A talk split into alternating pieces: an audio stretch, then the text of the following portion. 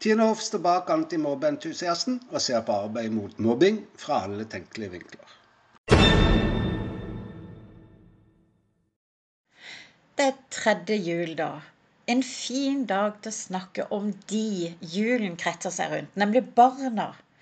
Hvordan har barn som opplever eller har opplevd mobbing det jula? Kan vi snakke om både de som blir utsatt og de som utøver mobbing? Klart vi kan, og det gir også mening å gjøre det. Først, på julaften så skrev en mor følgende i sosiale medier. Første julen på flere år at sønnen min virkelig har vist glede og hatt litt energi i julen. De mørke skyggene fra skolen var dessverre ikke langt unna, og klarte å ødelegge litt av dagen i dag. Mobbing er så utrolig ødeleggende og får store konsekvenser for den det gjelder.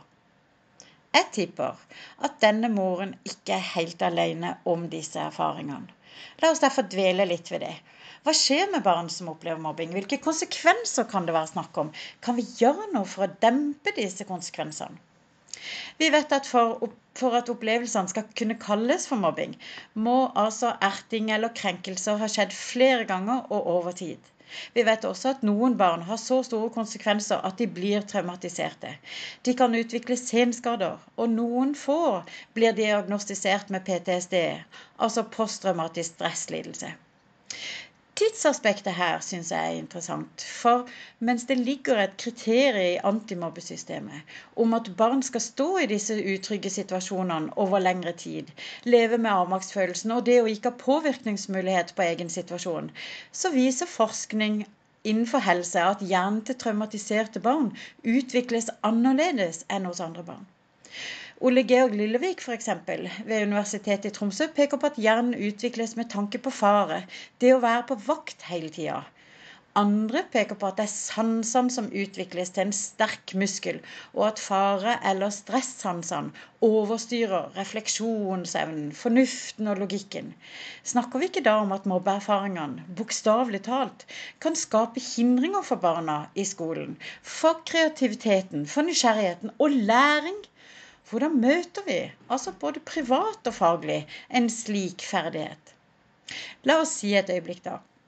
At disse barna utvikler ferdigheten i å være i beredskap, forvente fare. Kan vi da forstå bedre at de kan endre atferd også? Kan vi ha større forståelse for de barna som trekker seg nærmest inn i seg sjøl etterpå, gjør seg usynlige eller får sosial angst? Hva da med de barna som plutselig begynner å utagere? Vi vet jo at mange barn som utøver mobbing først, selv har vært utsatt for mobbing. Kan vi forstå disse barna også litt bedre? Men heller Dyssen, da, tenker du. Kanskje skal skolen forstå i hjel hver enkelt elev? Hvordan skal skolen kunne vite om atferden skyldes mobbing? Null problem, tenker jeg. Utfordringen ligger ikke der, så lenge skolemiljøloven følges. Både plikten til å følge med og dokumentasjonsordningen, for å nevne noe, sørger for at skolen vet. En annen ting vi vet, og som jeg nevnte tidligere, er at færre enn antallet barn som får senskader etter mobbing, blir diagnostisert.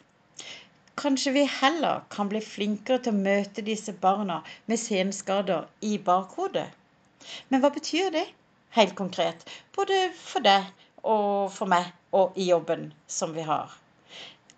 Hvis vi da fortsetter dette helseperspektivet, så virker altså oppskriften å være ganske tydelig. Situasjonen vi står i, er at sansene til barnet er overutvikla. Mens tankegangen, fornuften, logikken osv. den er underutvikla.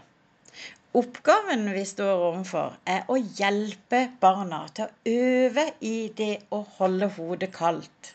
Hva betyr det? Jo, at barna utvikler evnen til å bruke tankene sine fremfor sansene i ulike situasjoner.